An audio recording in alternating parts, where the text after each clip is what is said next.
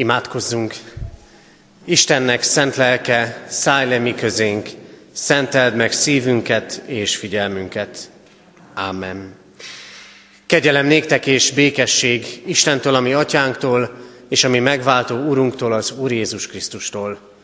Amen. Kedves testvérek, Isten tiszteletünk kezdetén fennállva énekeljük a 121. Zsoltár első versét. 121. Zsoltárunk első verse így kezdődik. Szemem a hegyekre vetem.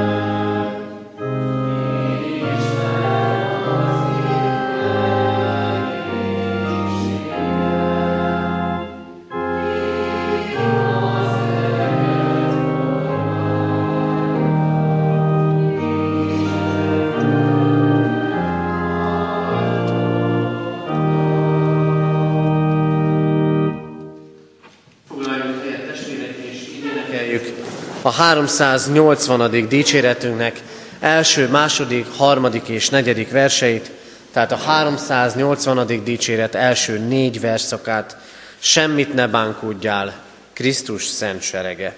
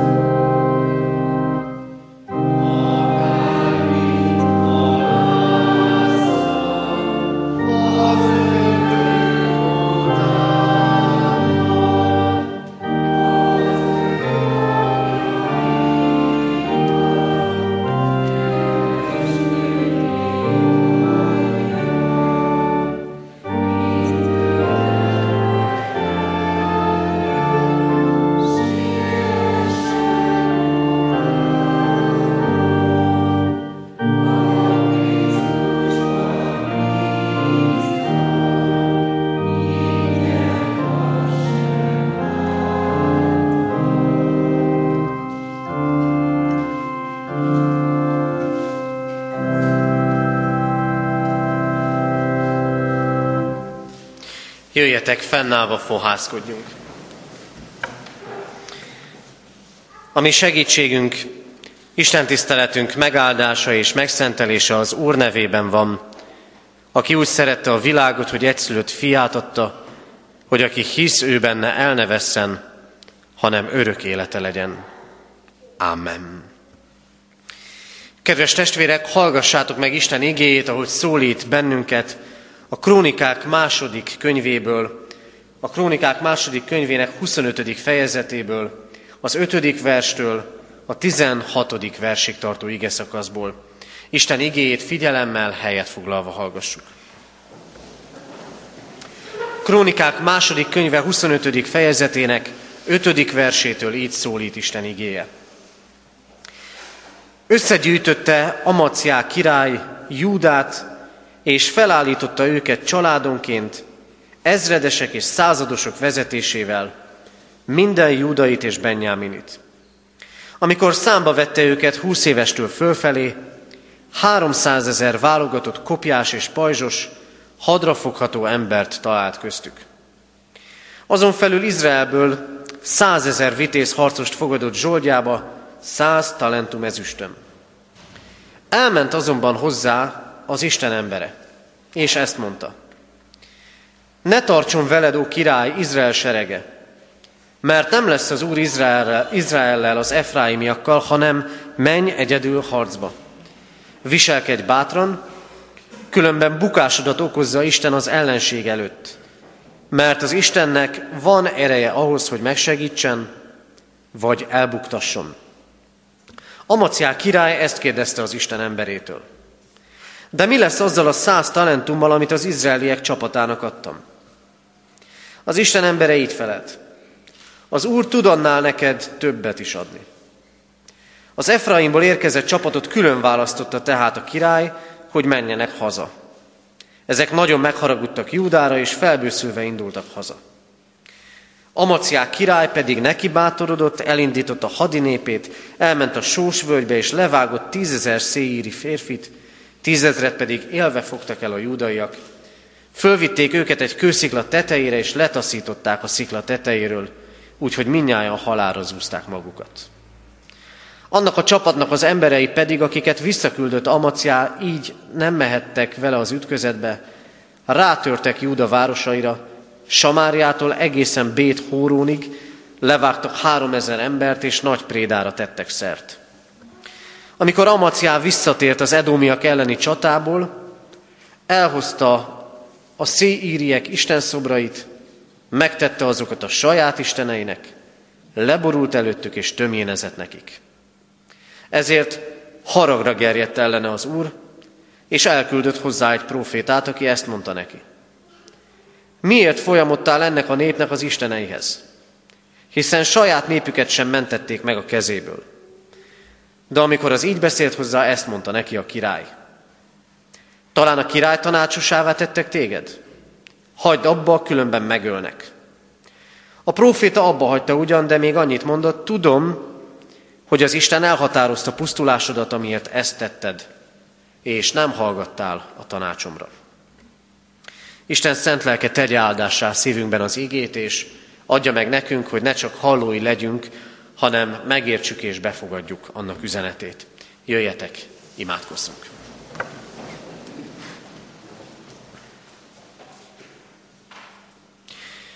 Menjei atyánk az Úr Jézus Krisztus által. Azt látjuk ebből a történetből, Urunk, hogy miközben emberek döntéseket hoznak a történelem során, és kiki a maga élete során, neked nagyon is van elképzelésed és üzeneted, mind a történelem eseményei, mind a személyes életünk történései kapcsán. Urunk, áldunk téged azért, mert te nem úgy vagy ebben, ezen világ felett, hogy semmi közöd nincsen hozzá, hanem egy cél felé akarod vezetni, és bennünket is egyen-egyenként életünk célja, evilági és örökkévaló célja felé akarsz vezetni. Köszönjük neked, Urunk, jelenlétedet ebben a világban, hogy hatalmadat igéd és szent lelked által gyakorlod. Mert szól a te szavad, és aki befogadja a te üzenetedet, annak az élete átformálódó és másokat formáló élet lehet. Urunk Istenünk, köszönjük neked, hogy eljöhettünk ide a te házadba. Köszönjük, hogy jöhettünk a magunk hálaadásával. Ha hálát adhatunk azért, mert valamiben velünk voltál, megáldottál, megsegítettél bennünket. Jövünk eléd, Urunk, kifejezve köszönetünket mögöttünk lévő évekért, évtizedekért. De jövünk eléd, Urunk, a magunk gyászával és szomorúságával. Jövünk eléd együttérzésünkkel azokkal, akik az elmúlt héten álltak meg ravatal mellett. Sok mindent hoztunk most ide.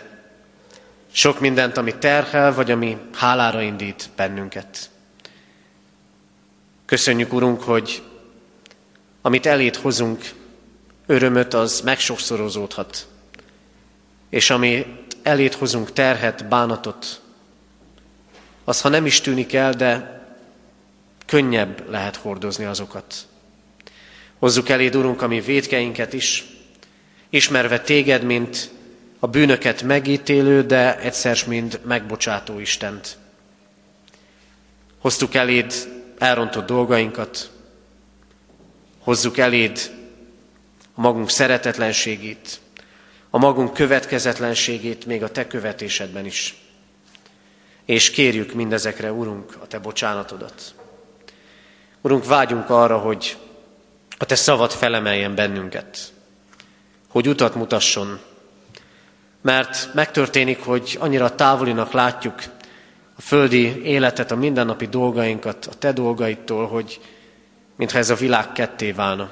Mégis éreztesd és értesd meg velünk. A te szavad itt és most szól, itt és most akar vezetni bennünket. Így kérünk, áld meg együttlétünket, Isten tiszteletünket, rátfigyelésünket. Légy itt jelen közöttünk, Szent Háromság, egy örök Isten. Amen. Isten igények hallgatására készülve a 380. dicséret 7. verszakát énekeljük el. A 380. dicséret 7. verse így kezdődik. Siess most mi hozzánk, Krisztus, segély minket.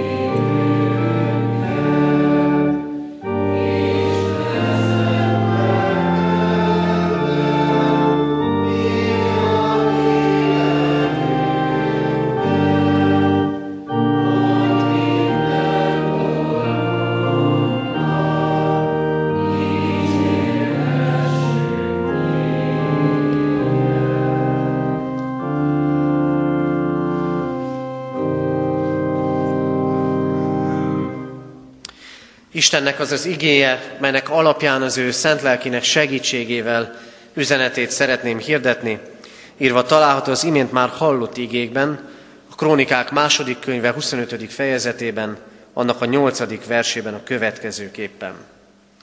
Viselkedj bátran, különben bukásodat okozza Isten az ellenség előtt, mert az Istennek van ereje ahhoz, hogy megsegítsen, vagy elbuktasson.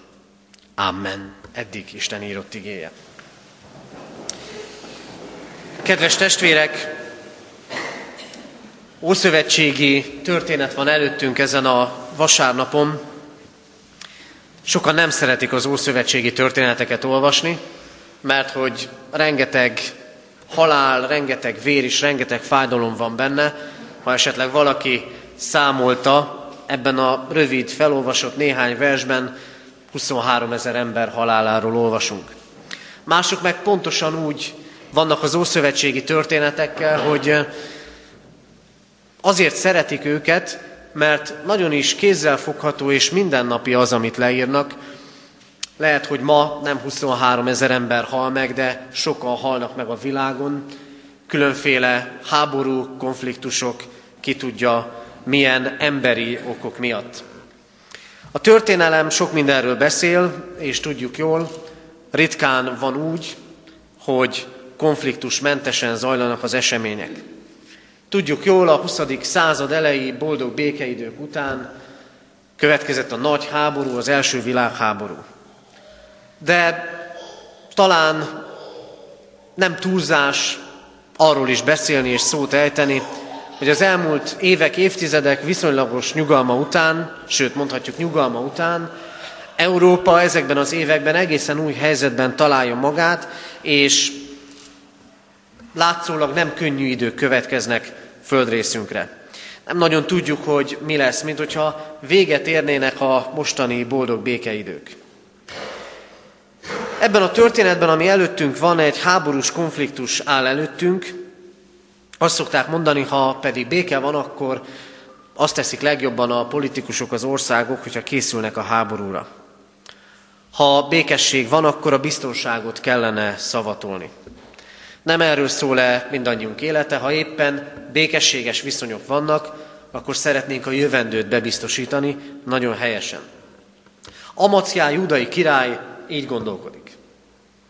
Felelős az országért, és felelős uralkodóként tudja jól, hogy a környező népek, azok bizony néha-néha szemet vetnek egy-egy területére az országnak, hát készülni kell, és hadsereget kell felszerelni mert a béke nem örök. Azt mondják ma, 2016-ban furcsa háborút élünk. Új korszakot, új viszonyokat kell megtanulnunk, új korszakban és új viszonyok között kellene megtalálnunk azt, hogy hogyan is lehetne felvértezni önmagunkat, lelkiekben és fizikai értelemben is.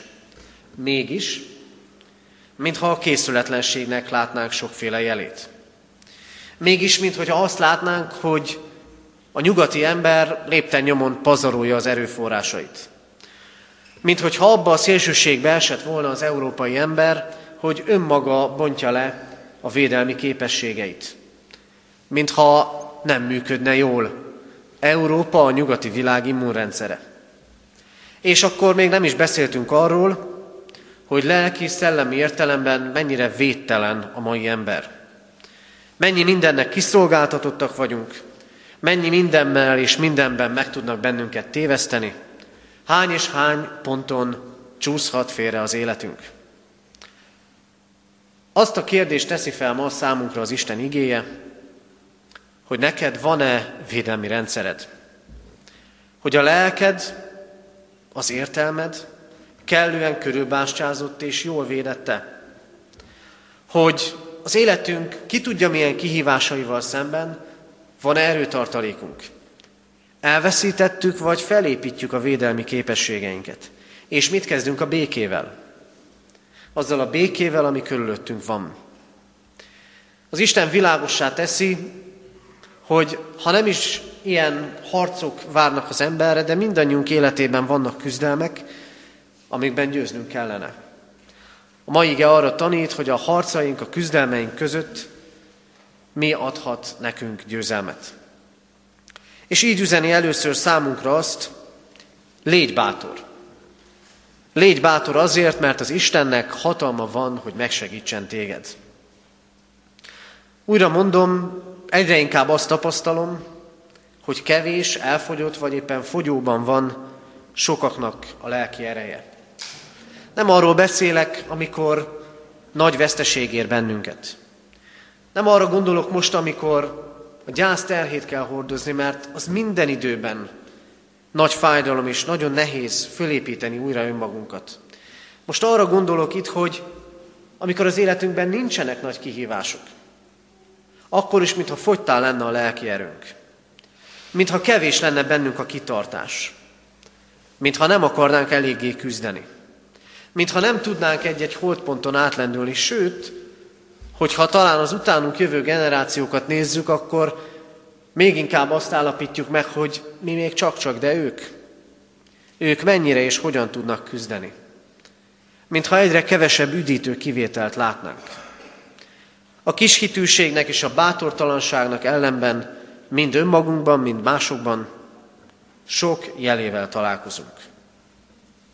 Azt gondolom, kedves testvérek, hogy ez logikusan és természetszerűen következik abból, hogy az ember eltávolodott az Istentől. Nemrégiben beszélgettem valakivel, és nagyon sok ilyen vélemény van, nincs az illető ezzel egyedül, hogy hát végül is mindegy, hogy miben hisz az ember. A lényeg, hogy higgyen valamiben. Csak hogy van egy nagyon fontos különbség. Lehet hinni evilági, és lehet hinni, lehet hinni túlvilági dolgokban. Aki evilágiakban hisz, és arra építi fel pusztán az életét, az előbb-utóbb odáig jut, hogy nincs kitartás, nincs küzdés, nincs bátorság. Aki hisz az Istenben, aki hisz abban, amit az Isten elkészített nekünk a földi élet után, az az ember azt tapasztalhatja és élheti meg, hogy az evilági életében is a hite megerősíti, átlendíti, hosszabb, rövidebb idő után az életének a nehézségeiben. Az Isten nagyon gyakran üzen erősítő szavakat a ráfigyelőknek. Légy bátor. A próféta ezt mondja itt a királynak, Júda királynak, légy bátor. Indulj el egyedül, már mint a saját néped tagjaival a harcra. Miért? Mert az Isten nem vesztes embereket akar látni. Nem azt mondom ezzel, hogy amikor kudarcok vannak az életünkben, amikor elveszítünk valamit, amiért annyira küzdöttünk, az valamiféle ítélet. Erről szó sincs. Inkább arra szeretnék rámutatni, hogy az Isten azt akarja, hogy az életünk egész egy győztes élet legyen.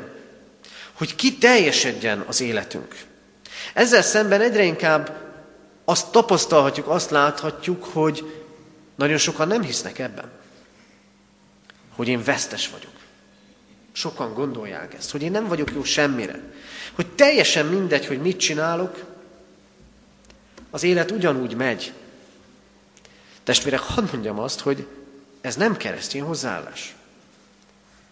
Ez olyan fajta fatalizmus, végzetszerűség, végzetszerű szemlélet, ami egyébként a világ vallások közül éppen az iszlámra jellemző. Hogy teljesen mindegy, mit teszek. A Szentírás nem ezt mondja hanem azt mondja az Isten, győztesnek akar látni téged. Menj előre, és győzelmeket arathatsz. Ennek a királynak azt mondja, győzni akarsz, és én győzelmet adok neked. De megmutatom, hogy milyen úton fogsz tudni győzni. Mert egyébként emberileg teljesen jó döntést hozott a király. A maga 300 ezer embere mellé még 100 ezer zsoldost felbérelt. Így már van esély a békeidőben felkészülni a háborúra. És az Isten embere azt mondja, nem. Nem azt mondja, hogy rossz döntés volt. Hányszor van úgy, hogy akár a magunk döntését, akár mások döntését megítéljük, hogy az rossz. Nem tudom, figyeltünk-e, ha nem, akkor most szeretnék erre utalni, hogy nem mondja azt az Úristen, hogy rosszul döntöttél. Nem hordja le, nem mondja bűnösnek, hanem azt mondja, én egy másik utat adok neked. Egy olyan utat, amin biztosabb a győzelem. Nem azt mondja az Isten, hogy baj, hogy tervezel, hanem azt mondja, a harcaid és a küzdelmeid között hallgass rám az Úristenre. És ezt mondja nekünk is. A harcaid és a küzdelmeid között hallgass az Úristenre. És ő fog neked győzelmeket adni. Az Isten mindig figyelmeztet, kevés az emberi segítség, nagyon fontos. Döntő fontosságú. Hogy ott álljunk egymás mellett a szomorúságban, hogy ott álljunk egymás mellett a gyászban, hogy ott álljunk amellett, aki bármilyen emberi segítségre szorul, hogy ott álljanak mellettünk ilyen emberek. De az Úristen azt mondja, ne felejtsd el, én mindig ott vagyok, és tudok neked segíteni. És akkor fogsz győzni, ha leszel bátor rám hallgatni. Az Isten itt valami egész más utat, más gondolatot képvisel, mint amit a király gondol. Emberileg abszolút nem logikus. Miért kéne 400 ezerről 300 ezerre levinni a hadsereg létszámát? Emberileg nézve kisebb esély. A hit az pontosan azt jelenti, hogy úgy cselekszem, ahogyan azt az Isten megmutatja, még akkor is, ha az emberileg nem tűnik logikusnak. Isten győzelmeket ígér nekünk. De ehhez kell, hogy bátrak legyünk engedelmeskedni neki. Aztán másodszor azt mondja az Úristen, hidd el, ő többet ad annál, mint amit egy-egy lemondásunkkal elveszíthetünk. Azt mondja a király, én fölbéreltem ezt a százezer zsoldost. Rengeteg pénzt kifizettem érte. Mi lesz most ezzel? És azt mondja neki az Úristen, engedd el őket. Az Isten tud ennél neked jóval többet adni. Mintha azt mondaná nekünk, és ezt mondja nekünk. Mintha azt mondaná, engedd el azt, ami szerinted biztonságot jelent. Engedd el azt, ami neked előrelépést jelent. Engedd el a pénzt, mondja a királynak, és engedd el, és bízd magadat rám. Ha az evangéliumokat nézzük, akkor csupa-csupa olyan történetet látunk, amikor Jézus Krisztus megszólít egy-egy embert, hogy azoknak el kell engedni valamit. Változtatniuk kell.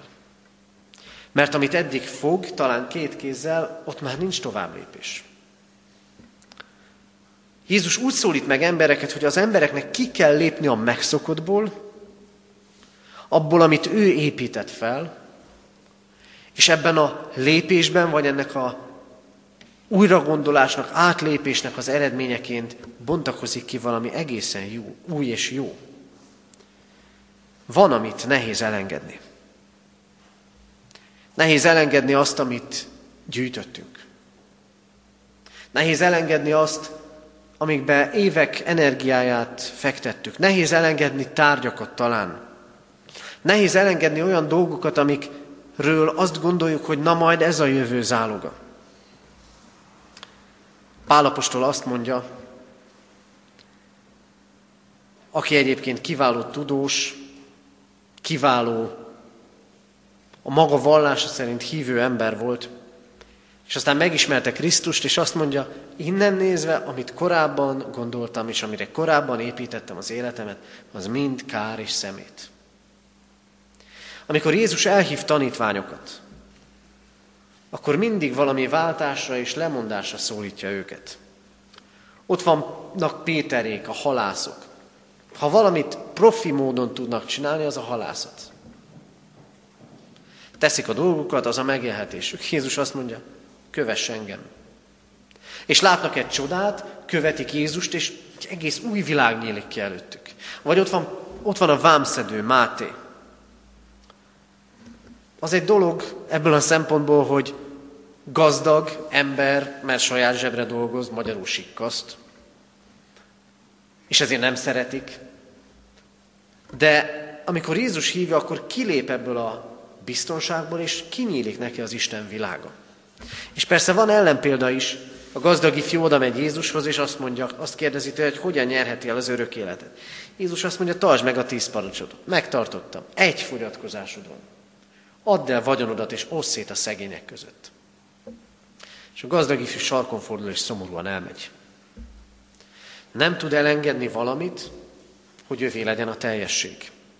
A hit bátorsága azt jelenti, merek elengedni és merek váltani merek új útra lépni olyanra, amit az Isten mutat.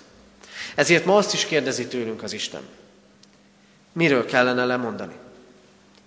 Mi az, ami akadályá lett az életünkben a tovább lépésnek? Mert azt mondja, ő tud többet adni, ha mi tudunk lemondani. Nem igen beszélünk a hívő élet kapcsán jutalomról, de néha úgy érzem, hogy mintha álszent lenne arról beszélni, hogy nincs jutalom. A tanítványok is megkérdezik Jézustól, hogy Uram, mi nem mondtunk sok mindenről, követtünk téged. Mi lesz a jutalmunk? És Jézus nem azt mondja, hogy hogy lehet ilyet kérdezni, hanem azt mondja, bizony mondom nektek, nincs olyan aki lemondott valamiről az én nevemért, és ne kapná vissza többszörösét. Ha el tudunk engedni dolgokat, amik már kötnek, akkor higgyétek el, az Isten sokkal többet fog adni. És végezetül a harmadik üzenet, hogy hogyan nyerhetjük meg a küzdelmeinket, a harcainkat, az arról szól, légy nagyon óvatos, hogy hogyan élsz azzal a jóval, amit kaptál. Mert elbukni a célnál is lehetséges. Kemény az az ige, amit itt olvastam, az Istennek ereje van, hogy megsegítsen és elbuktasson. Szeretjük szelektíven hallani az Isten üzenetét. Néha olyanok vagyunk, mint a kisgyerek, vagy éppen a kamasz gyerek, ami jó, azt meghallja, a rossz, a kérés, a parancs, azt meg nem biztos. Mi meghalljuk, hogy az Istennek van hatalma megsegíteni, de azt kevésbé halljuk meg, hogy van ereje elbuktatni is. El lehet rontanunk a dolgokat. Az Isten nem, nem játszik az emberrel.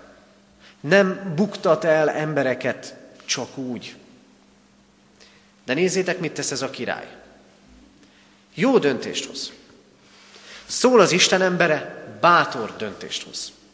Úgy tesz, ahogyan az Isten mondja. Mondja, az Úristen győzni fogsz. Győz. És utána visszajön a háborúból, elhozza a hadizsákmányt, köztük a legyőzött népeknek az isteneit, a bálványszobrait. És így olvassuk, megteszi azokat a maga istenének, leborul előttük és imádja őket. Valami egészen érthetetlen fordulat. Mintha felejtene. Mintha baj lenne a rövid távú memóriájával. De bizony megtörténhet ez velünk is. Elkezdünk felejteni. Elkezdjük elfelejteni azt, amit más ember jót tett velünk. Elkezdjük elfelejteni azokat a jókat, amiket az Isten adott embereken, történéseken, az életünkön keresztül. A jóléti társadalmak a viszonylagos jólétben elfelejtették az Istent, és lecserélték a maguk isteneire. A pénzre, az élvezetre, a fogyasztásra és még sok minden másra. A jóléti nyugati társadalmak így válnak védtelenni. Az Istent, Istenekre, pénzre, fogyasztásra, élvezetre cserélték le. Nagy figyelmeztetés ez az ége. Vigyázz, mert az Istennek ereje van elbuktatni is. Az egyént is, és a közösséget is. A proféta megmondja a királynak, az Isten döntött a te bukásodról. Ezek után. Pedig a válasz egyszerű lenne. A király tudhatná, és azt gondolom tudjuk mindnyájan. Első és második parancsolat. Ne legyen más Istened rajtam kívül. Ne csinálj magadnak Isten szobrot. Ne legyenek más isteneid, és ne ábrázolt ki az Istent. Ennyire egyszerű a válasz. Kedves testvérek, azt gondolom, hogy ezekre az alapokra kellene visszatérni. És ezekben az alapokban megerősödünk. Küzdelmeinkben ezért óvatosnak kell lennünk, mert azzal a tudattal kell élnünk, hogy emberként elbukhatunk. De azzal a bizalommal is, ha kitartunk az egy Isten mellett, a Szent Háromság Isten mellett, ha szem előtt tartjuk az ő törvényét és Krisztus útját, akkor meg fog erősíteni bennünket. És ne felejtsünk el, ne feledkezzünk el ugyanakkor az Isten kegyelméről. Mert van bocsánat és van újrakezdés. Lehet, hogy most úgy vagyunk, rádöbbentünk, igen. Valahol én is az Isten helyett Isteneket csináltam magamnak. Krisztus azt mondja, lehet megtérni, lehet változtatni, lehet újra kezdeni, de el kell kezdeni. Kedves testvérek, lelki és szellemi frontvonalak húzódnak a mai világunkban, lelki, szellemi, vallási frontvonalak, erővonalak is, és az ember, mi magunk sokszor talán védtelennek érezzük magunkat. Nem vagyunk azok. Mert van Istenünk. Van Istenünk, akinek ereje van megsegíteni és elbuktatni. De higgyétek el, az Isten győzelmeket akar nektek adni. Higgyétek el, az Isten szól és bátorít. Légy bátor. Légy bátor engedni neki. Légy bátor az ő szavához igazítani az életedet. De légy óvatos, mert emberként bármikor képesek vagyunk elbukni.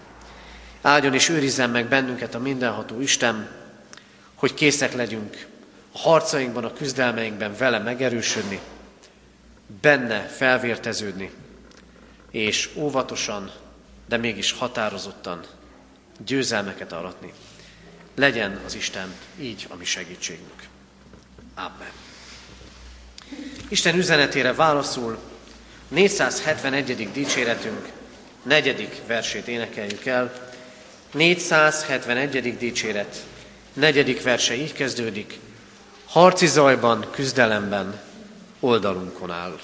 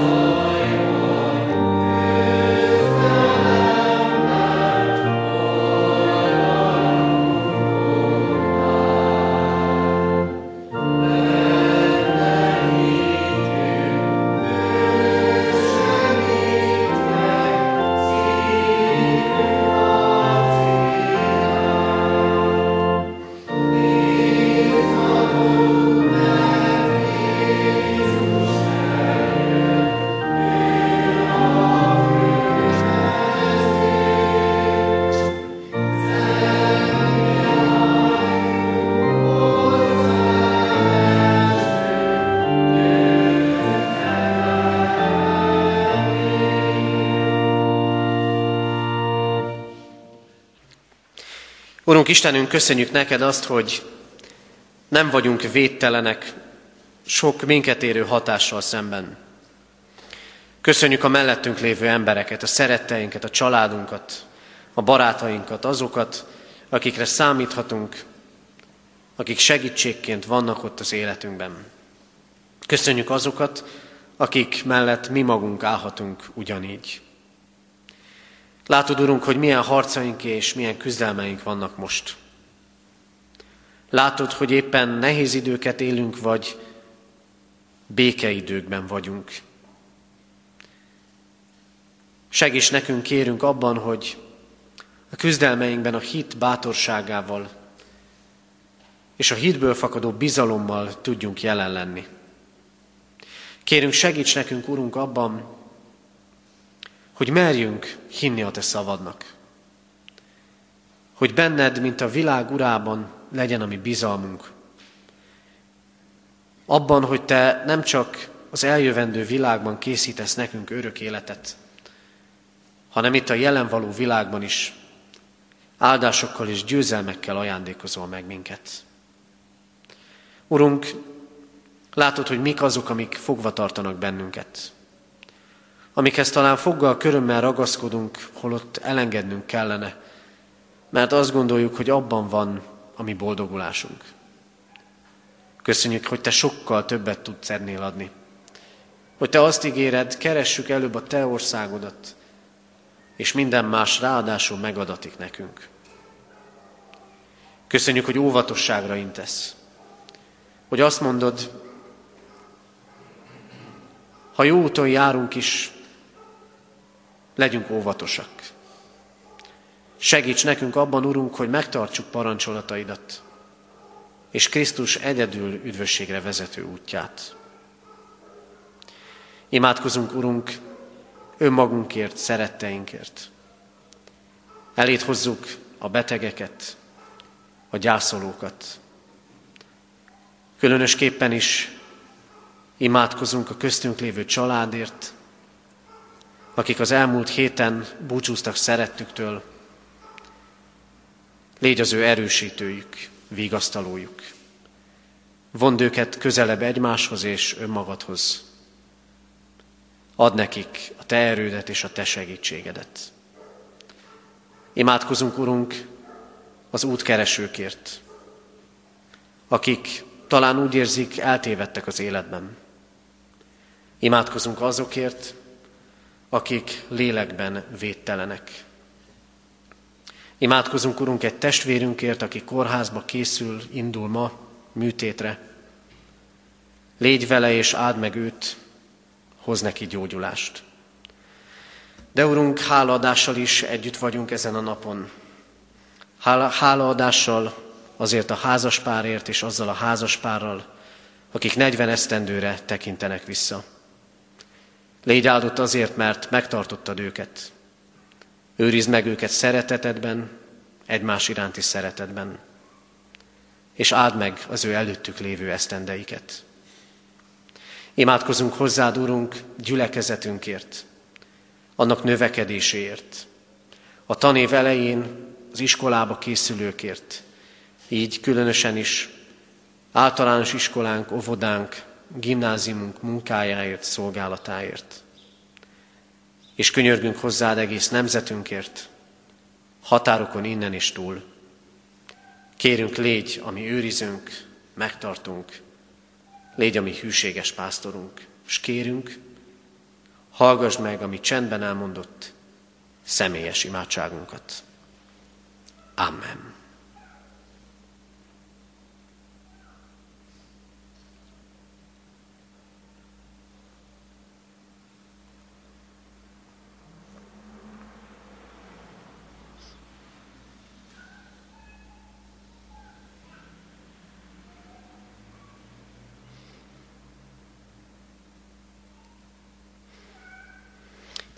Köszönjük, Urunk, hogy meghallgatod a mi imádságunkat. Amen. Fennállva imádkozunk, ahogy a mi Urunk Jézus Krisztus tanított bennünket. Mi, Atyánk, aki a mennyekben vagy, szenteltessék meg a Te neved. Jöjjön el a Te országod, legyen meg a Te akaratod, amint a mennyben, úgy a földön is. Mindennapi kenyerünket add meg nékünk ma, és bocsáss meg védkeinket, miképpen mi is megbocsátunk az ellenünk védkezőknek. És ne vigy minket kísértésbe, de szabadíts meg a gonosztól, mert tiéd az ország, a hatalom és a dicsőség. Mindörökké. Amen. Hirdetem az adakozás lehetőségét, mint Isten tiszteletünk hálaadó részét alázatos lélekkel Isten áldását fogadjátok. Istennek népe, áldjon meg téged az Úr, és őrizzen meg téged. Világosítsa meg az Úr az ő arcát rajtad, és könyörüljön rajtad. Fordítsa az Úr az ő arcát reád, és adjon néked békességet. Amen. Helyet foglalva a hirdetéseket hallgassuk meg. Hirdetem a testvéreknek, hogy ma szokott rendünk szerint még 11 órakor és délután 6 órakor tartunk Isten tiszteletet Kecskemétem. Heti alkalmainkat a szokott módon és rendben tartjuk, így ezek között mindazonáltal hirdetem, hogy szerdán, augusztus 31-én fél ötkor a református általános iskola, 6 órakor pedig a gimnázium tanévnyitó istentisztelete lesz Kecskeméten a templomban. Csütörtök este 6 órára kézi munkakör tagjait várjuk szeretettel, jövő vasárnap pedig szokott rendünk szerint 3.4.10-kor tartunk Isten tiszteletet itt katonatelepen. Már most hirdetem, hogy szeptember elején visszatérünk a megszokott rendre, rendhez, szeptember első kedjén, amely szeptember 6-a lesz, kedden 5 órától bibliaórát tartunk a gyülekezeti teremben. A gyermek istentiszteletek is hamarosan elindulnak, még a gyerek istentiszteleten szolgálók ezután fognak találkozni és megbeszélést tartani. Ha jövő héten nem is, de két hét múlva már minden bizonyal tartunk gyermekistentiszteletet. Imádkoztunk az elmúlt héten eltemetett Szucsánné Bernát Márta 52 éves, Szemerédiné Por Margit 38 éves, Cseh János 72 éves, és Szolga József 53 esztendős korában elhunyt testvéreink gyászoló hozzátartozóiért hordozzuk imádságban továbbra is a gyász terhét hordozókat. Halottaink vannak, Tóth Károly 75 esztendős korában hunyt el, temetése hétfőn, 3.4.10-kor lesz a köztemetőben. Boksa Lázár Lászlóné, Mészáros Mária 81 esztendős korában hunyt el. Temetése szerdán délután 2 órakor lesz. Isten vigasztalását kérjük a gyászolók életére. Adományok érkeztek az elmúlt héten egyházfenntartói járulékként 139.600 forint, Isten dicsőségére 56 ezer, a Kecskeméti templom kárpitjainak cseréjére 330 ezer, urvacsorai jegyekre 5 ezer, szeretett szolgálatra 10 ezer, rászorulók részére 5 ezer, hittanoktatás költségeire 10 ezer forint adomány érkezett. Isten áldása legyen az adományokon és az adományt adókon. Diakoné központunk kérését továbbra is hirdetem, aki teheti, gondoljon a rászorulókra, eh, lekvár és befőtt adományokat várunk, illetve még használható, jó állapotban lévő iskola táskákat és torna felszerelést szeretnénk eljuttatni a rászorulók részére. Kedves testvérek, úgy van az, hogy ami ritkán ismétlődik, mondjuk évente egyszer, azt hajlamos az ember elfelejteni, de jó mégis emlékezni arra, hogy idén negyedik vagy ötödik alkalommal, augusztus utolsó vasárnapján itt van közöttünk a Kék Kereszt csoport, akik eh, egy csendes napot tartanak itt ma a templomban, és aztán Balláni Ilonka testvérünknél. Most az ő beszámolójukra, szolgálatukra fog sor kerülni.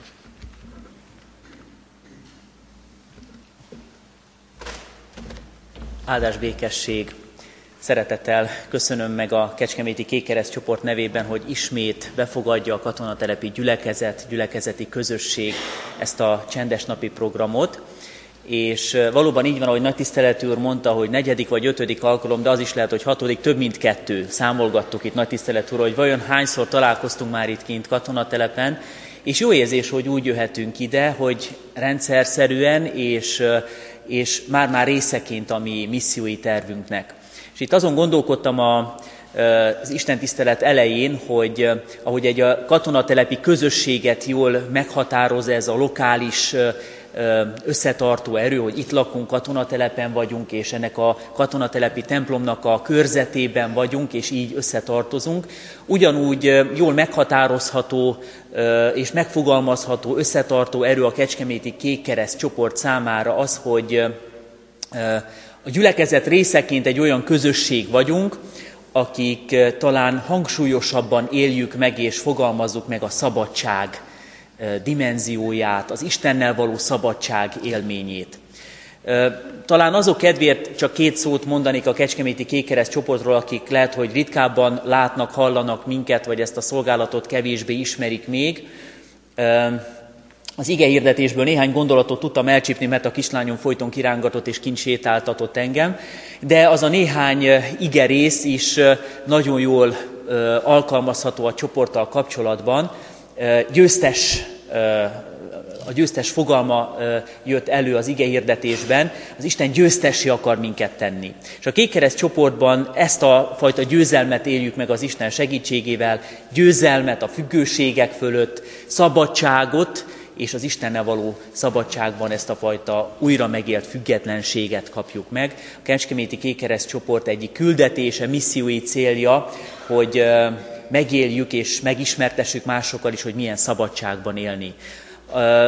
Első körben a pszichoaktív szerek, a, az alkohol és a drog az, amit talán leglátványosabban megél az ember, és azt mondja, hogy hát ez aztán függővé tehet bárkit, és azok, akik megszabadulnak ebből a függőségből, illetve azok, akik ebben a misszióban tevékenykednek, azokat gyűjti össze és foglalja egybe a Kékereszt csoport munkája, a közössége, tehát ilyen értelemben a szenvedélybetegséggel foglalkozunk, és a szenvedélybetegeket segítő közösség vagyunk. de nagyon sokféle függőség van, nem csak a, a látványos függőségek vannak, hanem a viselkedésünkben, életünkben kevésbé kimutatott, kevésbé látható függőségek is gyötörhetnek minket, és ezekből is meg akar minket szabadítani Isten, ami Urunk. Van egy szlogen a Kecskeméti Kékkereszt csoportban, gyakran használjuk ezt a mottót, ezt a jelmondatot, hogy szabad nekem nem inni, szabad nekem a káros szenvedélyektől mentesen élni. Ezt ismerjük, ezt éljük meg, Erről teszünk bizonyságot a Kecskeméti Kékereszt csoport szolgálatán keresztül. Most, akik itt lehetünk 30-an, de majd még csatlakoznak néhányan hozzánk, így megyünk majd át, és leszünk tovább együtt a közösségben Valáni Ilona testvérünk házában. Köszönjük, hogy itt lehetünk, és a gyülekezet életére, szolgálatára, ennek a közösség minden tagjának az életére Isten áldását kívánjuk szeretettel. A 39-es kékkeresztes éneket fogjuk majd elénekelni. Ki vagyok én, kinek lát engem az Isten, ezzel a kérdéssel indít, és utána megfogalmazza, hogy valaki hív, valaki vár engem. Megváltó Úr Jézusunk az, aki befogad, elfogad, megváltoztat, átalakítja az életünket. Róla énekelünk, erről szól majd a 39-es dicséret. Ki vagyok én, ki vagyok én, kinek lát engem az Isten, sok bűnöm